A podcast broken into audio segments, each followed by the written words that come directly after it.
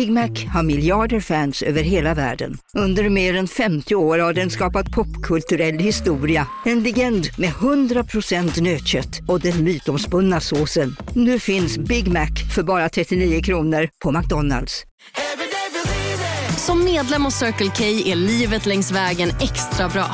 Just nu får du som ansluter dig 50 öre rabatt per liter på de tre första tankningarna och halva priset på en valfri biltvätt. Och ju mer du tankar, desto bättre rabatter får du. Välkommen till Circle K. Hej, Susanne Axel här. När du gör som jag och listar dig på en av Krys vårdcentraler får du en fast läkarkontakt som kan din sjukdomshistoria. Du får träffa erfarna specialister, tillgång till lättakuten och så kan du chatta med vårdpersonalen. Så gör ditt viktigaste val idag, lista dig hos Kry.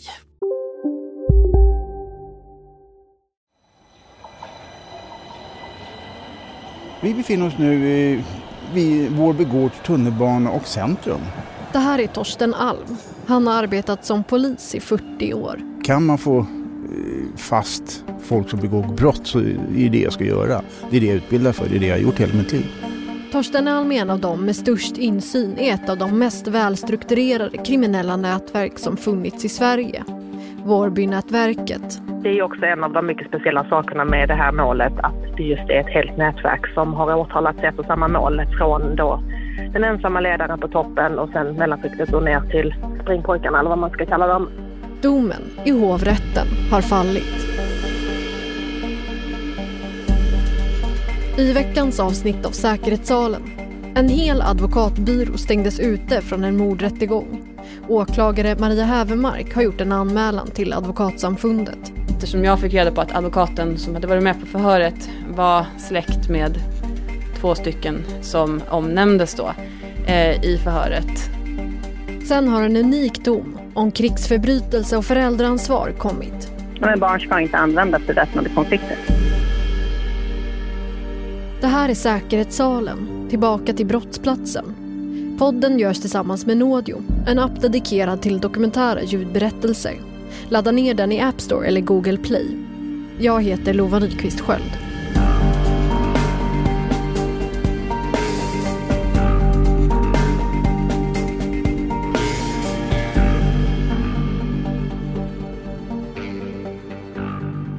Under hösten har en av de största rättegångarna mot organiserad brottslighet i Stockholm ägt rum i hovrätten. Den överklagade domen mot Vårbynätverket prövades i högsäkerhetssalen i Attunda. Jag var där och följde processen med omkring 30 tilltalade. Den pågick i två månader. I säkerhetssalens andra avsnitt, 147 år i fängelse, kan du höra mer om själva åtalet, tingsrättens dom och hur rättegången i hovrätten tog sin början. En person som följde rättegången mot nätverket både i tingsrätten och hovrätten var polisen Torsten Alm. Tycker mig skönja lite grann viss någon sorts skadeglädje kan man säga bland vissa åtalade. Men det är inte så att de ställs upp gör vågen eller något. Han är kriminalinspektör och har spanat på och jagat Vårbynätverket sedan tio år tillbaka. Bland annat här, i Vårby, längs tunnelbanans röda linje i södra Stockholm deras område, det var i Vårberg, Vårby gård och Alby. Och där hade de folk som bodde i respektive område, därför hade de tagit över dem. Eh, så de, de hade stor makt i områdena när det gäller kriminaliteten. Vanliga människor såg väl dem och vissa delar kanske det varit lite bråkigt eller stökigt men generellt sett så var det att vanliga människor de levde sina liv. Det här är ett parallellsamhälle. En av åtalspunkterna mot nätverket berörde sprängningar vid en bilfirma i Haninge. Enligt åklagarsidan var dådet en hämnd efter att nätverkets ledare känt sig lurad av bilhandlaren. Under rättegången sa Sara Nilsson, en av tre åklagare i ärendet, så här. De vill styra privatpersoner, de vill styra näringsidkare. De vill pressa pengar där det går att få pengar och de lyckas. Jag undrar faktiskt ibland om det går att bedriva näringsverksamheter i de här områdena utan att förhålla sig till eh, de kriminella nätverken. Och i den undre världen har de haft ett stort inflytande, säger Torsten Alm. Nätverket hade enormt våldskapital. De hade ju stora vapenförråd. Jag tror vi har väl tagit 50, över 50 vapen av dem. Automatvapen och pistoler, hagelgevär. Jättemycket ammunition. Vi, de sysslade med vapen, vapenexport. De hade stor del av narkotikamarknaden i södra Stockholm. Så de levererade till södra Stockholm, levererade även till norra Stockholm, ute i landet också. körde de ut. Och det är det de tjänade pengar på.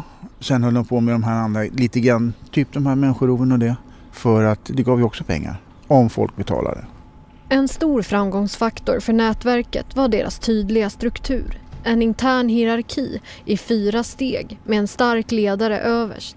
Det var han som styrde och bestämde och hade tagit inspiration från de mest framgångsrika i världen. När vi gjorde husrannsakan hemma hos huvudmannen innan Encro så hittade man alltid de här böckerna från Steve Jobs och alla de här uh, Elon Musk och vilka det nu var. Som, där de skrev hur man skulle driva företag. Och han anammade många av de idéerna på sitt nätverk. En hörnsten för Vårbynätverkets kommunikation och organisering var krypterade Encrochat-telefoner. Men det blev också dess undergång. Tidigare hade Torsten Alm och hans kollegor inte kommit in i telefonerna som började dyka upp i utredningar runt 2017. Men efter att fransk polis knäckte Encrochat och delade med sig av informationen till Sverige förändrades bilden. Efter att i åratal försökt förstå nätverket utifrån fick polisen och Torsten Alm nu en direkt insyn. Det här var ju så unikt att vi fick reda på vad de tyckte och tänkte och skrev. De använde det här, de trodde att de var helt säkra, så de använde det här som andra människor idag använder Facebook, Instagram, Snapchat. Eh, de fotade när de hade fester, de fotade när de gjorde brott, de planerade brott, de rapporterade om brott. Så det var ju, jag brukar säga att man kom i princip in i deras huvuden när man kunde läsa deras tankar och hur de tänkte och hur de skulle göra och sådär. Efter att ha jobbat så länge med att spana på och försöka kartlägga de gängkriminella i Stockholm så får de nu för första gången en inblick. Det, var, det var skönt kan jag säga och det var kul också för att vi har ju alla de här nätverken som eh, Stockholmspolisen då har agerat emot via Encro har ju vi jagat i alla, alla år. Gårdsnätverket har jag också själv varit med och spanat på och jagat sedan de bildades i princip. Och jag ju vetat vilka de var, ungefär hur strukturen har sett ut. Men vi har aldrig kommit åt topparna. Vi har ju bara kommit åt underhuggarna. De längst ner i, i näringskedjan. Nu kommer vi även åt de högsta cheferna. Jag menar hela ledargarnityret sitter ju. Det är unikt. Och då fick man ju faktiskt svar på att det vi hade trott och tänkt att det stämde i mångt och mycket. Till slut hade de nog för att kunna göra tillslag och efter noggrann planering och intensivt arbete så frihetsberövade de ledarskiktet. Först den högsta ledaren i Spanien och sen resten på olika ställen runt om i Stockholm. Encrochat-meddelandena och annan bevisning sammanställs till en rejäl förundersökning. Och när, vi, när vi tryckte första gången då, då hade vi la en beställning på över 300 000 sidor. Vi hade fem lastpallar med förundersökning som kom till oss. Som vi sen var tvungna att distribuera ut till de här häktade. Och då hade vi 30 häktade som satt ifrån Gävle till Jönköping. Och då fick vi köra ut dem till dem. Och bara en sån administrera det, det, det, det tar tid och kraft. Torsten Alm lämnar centrum i Vårby och går mot ett annat ställe som varit viktigt i hans del av utredningen en av de mest uppmärksammade brotten med koppling till nätverket. För polisen var Encrochat en guldgruva men försvaret har varit skeptiska. Samtliga tilltalade nekar till brott och en majoritet till att de ska använt de Encrochat-telefoner som åklagaren kopplat dem till. Försvaret lyfter både i tingsrätten och hovrätten frågor kring Encrochat om dess tillförlitlighet då vissa chattar och svar saknas och även ifall fransk polis kom över datan på ett lagligt sätt vilket kan påverka den tilltalades rätt för en rättvis prövning. Resultatet av den omfattande utredningen, rättegång i tingsrätt och senare hovrätt har nu lett till en ny dom på flera hundra sidor. Och vad den landade i är att hovrätten i stort fastställer tingsrättens dom den 33-åriga utpekade ledaren döms i hovrätten, som i tingsrätten, till 17 år och 10 månaders fängelse för bland annat försök till mord, synnerligen grovt narkotikabrott och människorov. Det fanns ju onekligen vissa punkter som var mer besvärande än de andra. Eh, och det är väl klart att eh, vi, vi, eh, vi utgick ifrån att han skulle, skulle dömas för vissa åtalspunkter. Men, men, kanske inte för alla åtalspunkter och eh, framförallt inte för det, till den eh, långa påföljden som han dömdes. Mannens försvarare Filip Rudin säger att de ska överklaga till Högsta domstolen. Han vänder sig mot flera av tingsrättens slutsatser. Bland annat att 33-åringen ska ha gjort sig skyldig till mordförsök när måltavlan vid tiden i själva verket satt häktad. Ett brott som tingsrätten menar har ett straffvärde på 12 års fängelse. Han lyfter också frågan hur 33-åringens ställning i nätverket påverkar hans straffansvar. Enbart för att man befinner sig vara ledare för ett nätverk, ska man då svara för vad alla andra organisationer gör eh, i vissa gärningar där, man, där det framgår att man själv inte deltar på något sätt? det, det, tycker jag är en eh, ny rättsfigur som man liksom kan likna vid någon form av strikt företagaransvar. Det vill säga att en, en företagare ska alltid svara för att det inte begås brott inom, inom eh, företaget. Men då krävs det normalt sett att eh, företagaren har känt till eller, eller, borde ha känt till att det pågår brottslighet inom ramen för, för, för ett bolag. Eh, här så utdelar man straff så att säga, utan att det finns någon bevisning kring att min klient har, har deltagit på något sätt. Utan han ska bara svara för att han är högst upp i organisationen och, det tycker jag är att sträcka ansvarsfrågan lite väl långt. Encrochat-användaren Mujahed har kopplats till 33-åringen som under brottstiden alltså befunnit sig i Spanien. 33-åringen själv har sagt att det var hans rumskompis som använt sig av telefonen. Bevisningen mot honom är till störst del kommunikation där Mujahed kommunicerat och delegerat arbete till de övriga tilltalade. Filip Rudin ser det inte som sannolikt att Högsta domstolen kommer pröva frågan om Encrochat. Med tanke på att det här är ju ett helt nytt bevismedel i, i svensk rätt och det bevismedlet har väl lett till att det har utdelats eh, ja, åtminstone 1000 års eh, fängelsestraff i Sverige det sista året. Eh, och det tycker jag är lite konstigt att, att eh, Högsta domstolen inte intresserar sig, sig mer för den frågan. Eh, men man, man får väl också säga att eh, Högsta domstolen har haft eh, ett, ett otal chanser att, att lyfta den frågan. Så, så att, eh, jag ser väl, ser väl eh, utifrån hur Högsta domstolen har resonerat så ser jag väl de, de utsikterna tyvärr som ganska, eh, ganska små. Och det, det är tråkigt med tanke på att det, jag tycker att det är en, en intressant prejudikatfråga. Men, men det, det är vad jag tycker. Anna Stråt, förundersökningsledare och åklagare, yrkade på livstidsfängelse för 33-åringen. Det är möjligt att den bedömningen är helt korrekt. Men när man tänker på vilka, vilken typ av gärningar det handlar om och hur många sådana gärningar det är så eh, rent allmänt så tycker jag att, att det är någonting som, eh, som bör föranleda livstids fängelsestraff. Det kanske är mer en fråga för politikerna eh, och kanske rätt bedömt av domstolen i det här fallet. Men ja, på ett personligt plan så tycker jag att att de gärningarna ska föranleda livstids fängelsestraff. Livstidsfängelse finns med i straffskalan till brott nätverkets ledare dömdes till. Och Anna Stråth säger att reglerna kring när någon begår flera brott skulle behöva ses över. Så som det ser ut idag så har det gått ut väldigt mycket mängdrabatt till eh, den här personen. Flera av de grova brotten som man döms för får ju i praktiken inget straff. Eh, och det tycker inte jag känns helt helt bra. Men det är så systemet ser ut och då får man ju fundera på om, om det ska vara så eller om man kanske ska ändra det. Och då tycker jag att den här domen är ett väldigt bra exempel eh, därför att eh, man ser hur det blir i praktiken med de reglerna som, som finns för tillfället.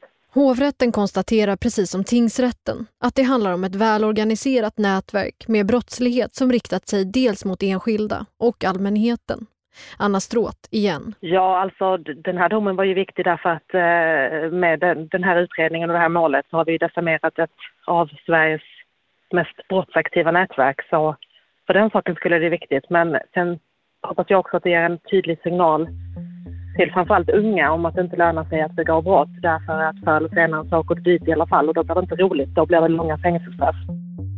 En av de mest uppmärksammade åtalspunkterna gällde kidnappningen av den numera avlidne Nils Grönberg som gick under artistnamnet Einar. Artisten Yassin, som dömdes för förberedelse av ett tidigare försök av människorov av Einar, fick sin dom fastställd i hovrätten, tio månaders fängelse. Han har redan suttit av den tiden och är nu släppt. Ytterligare en annan artist som fick två och ett halvt års fängelse för att ha medverkat när människorovet väl skedde fick också sin dom fastställd. Även ledaren dömdes för inblandning i människorovet då kontot Mujahed har skrivit instruktioner och uppmaningar samt tagit emot bilder från kidnappningen. Men enligt Filip Rudin tyder inte bevisningen på att 33-åringen vetat om att det skulle ske. Och där värjer jag mot hovrättens bedömning att eh, min klient har inte känt till att det där har ägt rum. Eh, han känner inte till att eh, det sker något som helst rån av målsäganden. Han, han får den kännedomen, eh, men den kännedomen får han efter att de två brotten är fullbordade, det vill säga efter att de två brotten är avslutade. Och då finner hovrätten att eh, han ska ansvara som medhjälpare till det brottet. Vi befinner oss nu på Ängsholmsgränd och det var den adressen som man förde rapparen Einar till när han kidnappades det där människorovet mot honom. Det var här uppe i en lägenhet som man förnedrade honom, klädde av honom fotade honom och hotade honom och rånade honom. När Torsten Alm och hans kollegor får tag på Encrochattarna kan de också se kommunikation mellan de som genomförde kidnappningen, följa varje steg från planering till genomföranden och fotografier längs med vägen. Och sen var det lite intressant del för i det här när vi tittade på de här bilderna då har vi bilden när de skickar klockan.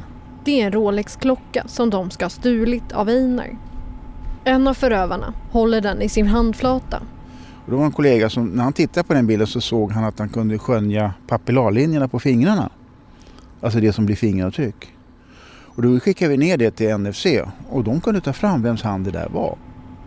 Medan huvudförhandlingen i hovrätten pågår blir Nils Grönberg skjuten utanför en trapphusport i Hammarby sjöstad.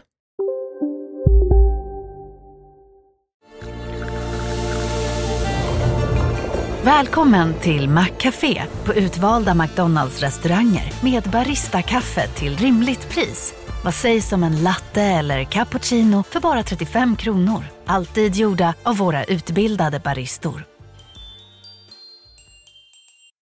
Hej Sverige! Apoteket finns här för dig och alla du tycker om. Nu hittar du extra bra pris på massor av produkter hos oss. Allt för att du ska må bra. Välkommen till oss på Apoteket. En nyhet. Nu kan du teckna livförsäkring hos Trygg-Hansa. Den ger dina nära ersättning som kan användas på det sätt som hjälper bäst. En försäkring för dig och till de som älskar dig. Läs mer och teckna på trygghansa.se. Trygg Hansa. Trygghet för livet. Det var just människorovet som var den del av förundersökningen som Torsten Alm arbetade med. Utredningen pågick under en lång tid och innefattade mycket grov brottslighet. Det har tärt på Torsten Alm att fördjupa sig i det, men samtidigt så är det viktigt att inte helt stänga av, säger han. Det, det finns alltid där. Det, det, gör det. Du kan inte koppla bort det för då blir det ingen bra utredare heller. Du måste tänka från, ur alla synvinklar så att säga för att få det att gå framåt. Och det här kan utredare till viss del påverka själva. Att ha preferenser där de helst undviker vissa typer av brott så att cheferna kan ge dem uppdragen till andra. Jag kan säga så här, eh, jag har blivit mer olika berörd av olika ärenden. Jag hade ett ärende för några år sedan i Sätra där en 19-20-åring varit grymt mördad och förnedrad i en källare. Det, det tog mig mycket hårt. Det gör ju det och sen så är det vissa brott som man inte helst vill utreda. För att det tar för mycket på en, så är det. Om det är saker som man kan relatera till, till sin eget liv, sin egen familj så att säga. Då blir det jobbigt. Den här dagen patrullerar två poliser runt inne på tunnelbanestationen. Till synes utan annat ändamål än att vara där och visa upp sig. I centrum är en piketbuss parkerad. Det här är inte slump. Efter att ledarskiktet häktades fanns en förhoppning om att stävja framtida nätverk att bildas i området.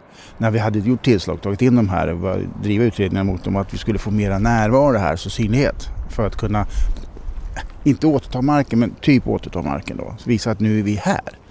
Men det blev inte så riktigt och rekryteringen till de här nätverken den är ju god. Det kommer ju alltid nya människor.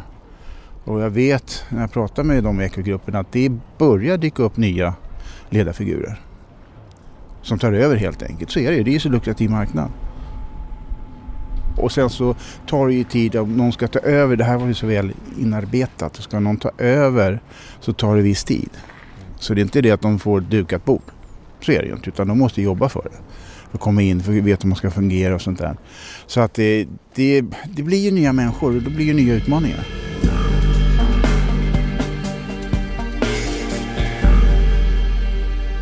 Säkerhetssalen görs tillsammans med Nådio, en app för dokumentära berättelser. Under våren så kommer vartannat avsnitt vara kortare berättelser och fördjupande intervjuer. Dessa publiceras bara i Nådio-appen. Förra veckan var det avsnittet Domaren som handlar om rådmannen Kian Amroy. Han berättar bland annat om varför han nyligen läxade upp en av Sveriges mest aktade brottmålsadvokater. Lyssna på den och kommande bonusavsnitt exklusivt i appen Nådio. Du kan använda rabattkoden SALEN för en gratis månad. Jag har en uppdatering från för två veckor sedan. I slutet av avsnittet Det tredje förhöret berättade jag om en advokatbyrå som blivit avstängd från en mordutredning. Bakgrunden var att det enligt åklagaren hade uppstått en jävsituation när en advokat försvarade en misstänkt person men samtidigt hade släktband till en mordmisstänkt i samma utredning. Utredningen handlade om ett mord i Beckomberga november 2020 där en kille i 20-årsåldern sköts ihjäl med flera skott. I samma avsnitt kan du höra mer om rättegången och fallet. Jävsituationen uppmärksammades efter ett polisförhör tidigt in i utredningen. En försvarare skickade sin kollega att närvara i sitt ställe. Under förhöret så frågade förhörsledaren om den misstänkte kände två namngivna personer. Åklagare Maria Hävermark. Det framkom det där efter att förhöret hade hållits eh, med honom då att eh, den advokaten som var med på det förhöret var, hade då släktskap med eh, personer som nämns i förhöret. Eh, och där man frågar om den här misstänkte känner då eh, X och Y. Maria Hävermark får efter förhöret reda på att den advokat som varit på plats har släktband med de två personer som nämndes. Min första reaktion var, eftersom jag fick reda på att advokaten som hade varit med på förhöret var släkt med två stycken som omnämndes då eh, i förhöret. Eh, och också någon annan som var misstänkt, eh, perifert misstänkt i utredningen. Eh, det gjorde att jag då eh, bestämde mig för att ringa till den advokaten som var förordnad, alltså den som var med på telefon. Och eh, upplysa honom om att min uppfattning var att det var frågan om en så eh, pass, eh, ja, en jävsituation som gjorde att ingen annan kunde företräda heller utan att det var ett jäv som omfattade hela byrån i och med att det fanns då eh, men det sa jag inte till honom, jag sa bara att det fanns ett jävsförhållande som gjorde att vi, det var min bedömning. Och han ville ju såklart veta vad det gällde men då var det sån förundersökningssekretess eftersom vi var så väldigt tidigt i utredningen att jag bedömde att jag inte kunde berätta detaljer heller eftersom allting eh, ja, alla de personerna som det gällde, det, det var väldigt stark förundersökningssekretess. Maria Hävermark bestämde sig i slutet av februari, efter att rättegången var över, att göra en anmälan till Advokatsamfundet. Frågan är då hur god advokatsed ser ut eh, när det gäller just den delen och det, när det är ett sånt allvarligt brott. Hade det handlat om någonting annat, eh, eh mycket, mindre allvarligt, då hade jag kanske eh, sett annorlunda på saken. Men just eftersom det gäller en mordutredning eh, och det ställs frågor om två personer som man är släkt med så är det det jag tycker advokatsamfundet ska titta på. Eh, jag vet själv inte hur man ska bedöma den frågan. Jag tyckte kanske inte att det är upp till mig heller utan det får, det får advokatsamfundet titta på helt enkelt. Hon vill alltså att samfundet ska pröva om advokaten brutit mot god advokatsed, som är de regler som varje advokat lovat att följa. Det är upp till disciplinnämnden på Advokatsamfundet att fatta ett beslut om att granska anmälan och komma med ett utlåtande. I mer allvarliga överträdelser kan de besluta att en advokat ska uteslutas från samfundet och därmed förlora sin skyddade titel som advokat. I genomsnitt utesluts en advokat per år enligt Advokatsamfundet men de senaste två åren handlar det om totalt sju styckna. Två av dem uteslöts förra året efter att det framkommit av konversationer i Encrochat att advokaterna ska ha delat med sig information trots sekretess. När det gäller mindre allvarliga överträdelser där en advokat brutit mot god advokatsed kan det leda till en erinran eller en varning. Det jag tänkte mig med anmälan var att jag tycker kanske inte att jag ska avgöra vad som är god advokatsed i den här situationen. Utan det överlämnar jag liksom helt till Advokatsamfundet så får de säga vad, vad, vad som är det rätta att göra i, i en sån här situation. Eh, när det dyker upp, eh, när det är ett allvarligt brott, eller allvarlig brottsmisstanke och det dyker upp då personer som man, som en, som man är släkt med. Eh, och, och vad man då som advokat ska göra i den situationen. När vi kontaktar advokaten i fråga avböjer hen intervju. Till podden Petri Krim har hen lämnat en skriftlig kommentar. Advokaten skriver också att hen inte kände till att släktingen som nämndes under förhöret var anhållen i sin frånvaro.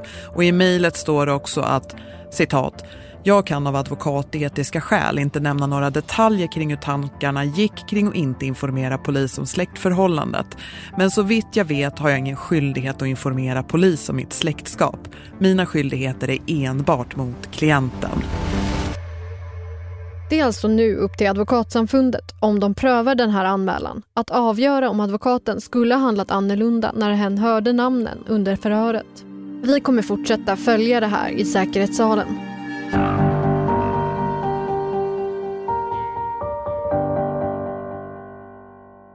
En kvinna från Halland åker med sina barn till Syrien 2013.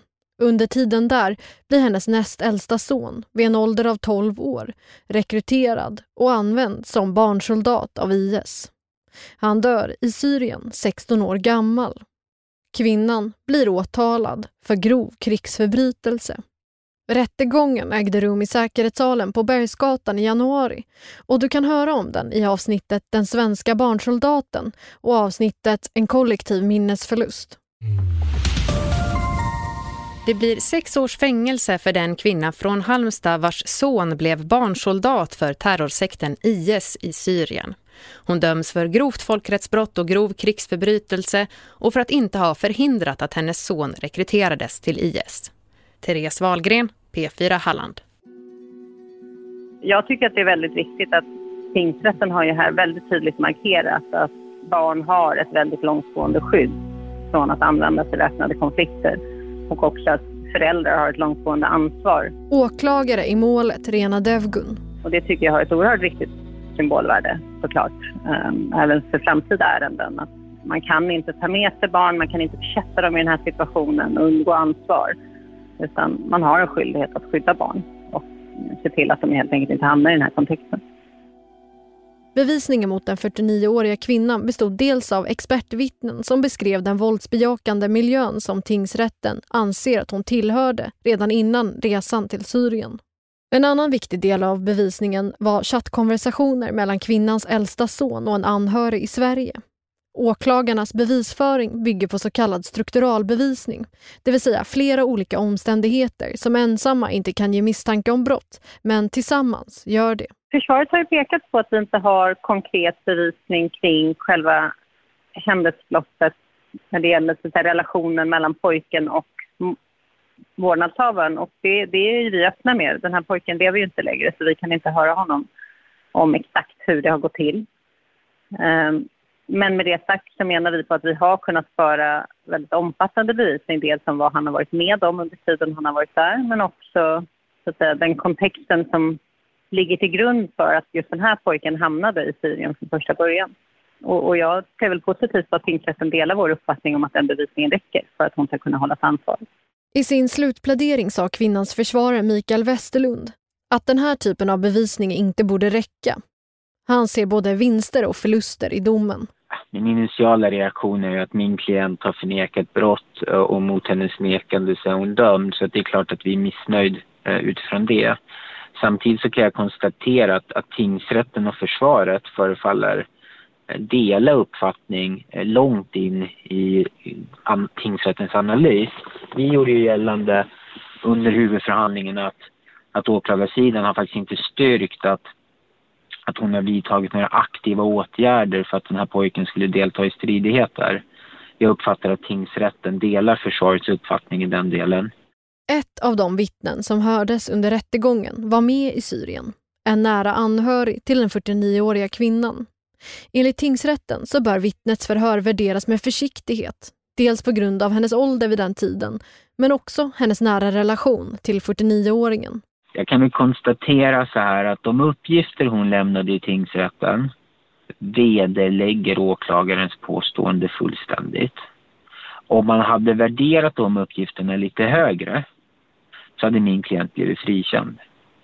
Hon är ju väldigt tydlig med att min klient inte ville att pojken skulle strida.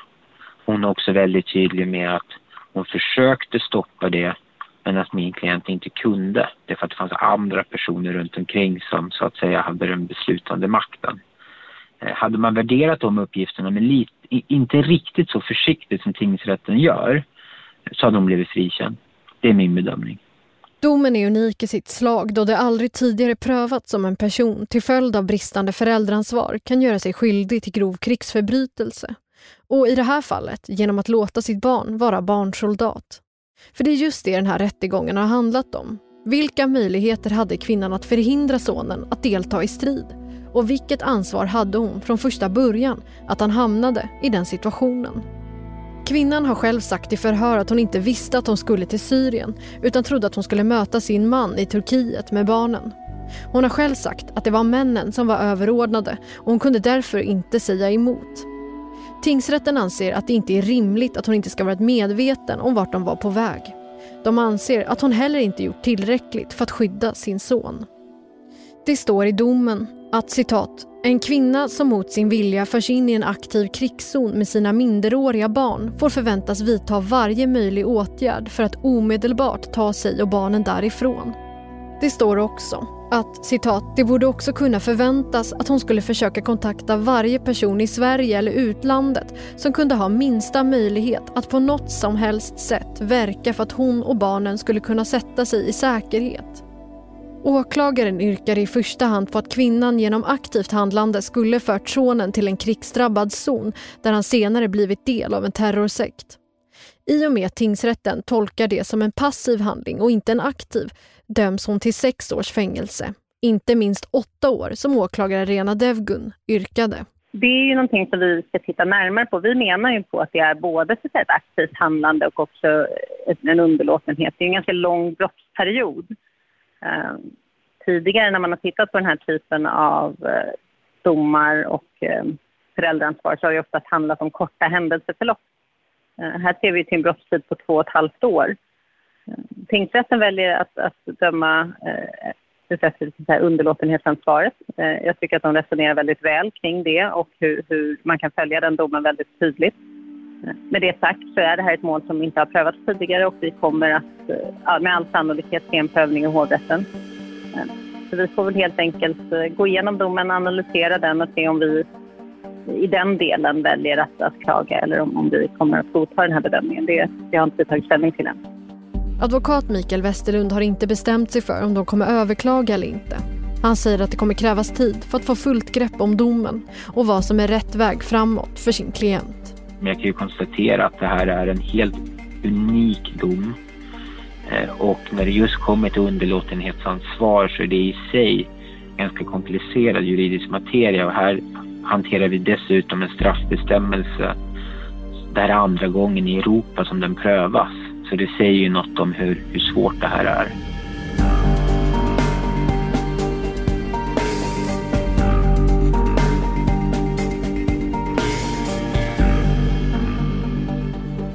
Här var ett avsnitt av Säkerhetssalen. Podden produceras av tredje statsmakten Media för dokumentärplattformen Nådio.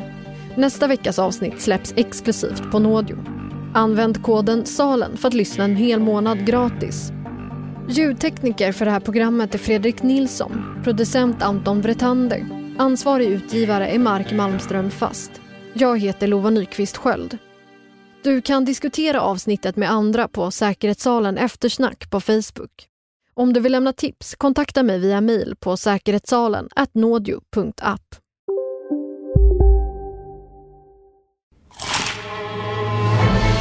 Upptäck det vackra ljudet av McCrispy Company för endast 89 kronor. En riktigt krispig upplevelse. För ett ännu godare McDonalds. Hej, Synoptik här. Livet med glasögon ska vara bekymmersfritt. Därför får du 30% på alla glasögon när du väljer Synoptik All Inclusive. All service ingår alltid. Välkommen till Synoptik. Okej hörni, gänget.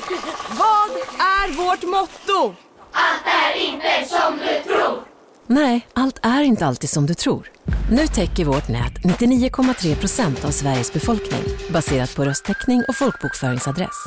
Ta reda på mer på 3.se eller i din 3-butik.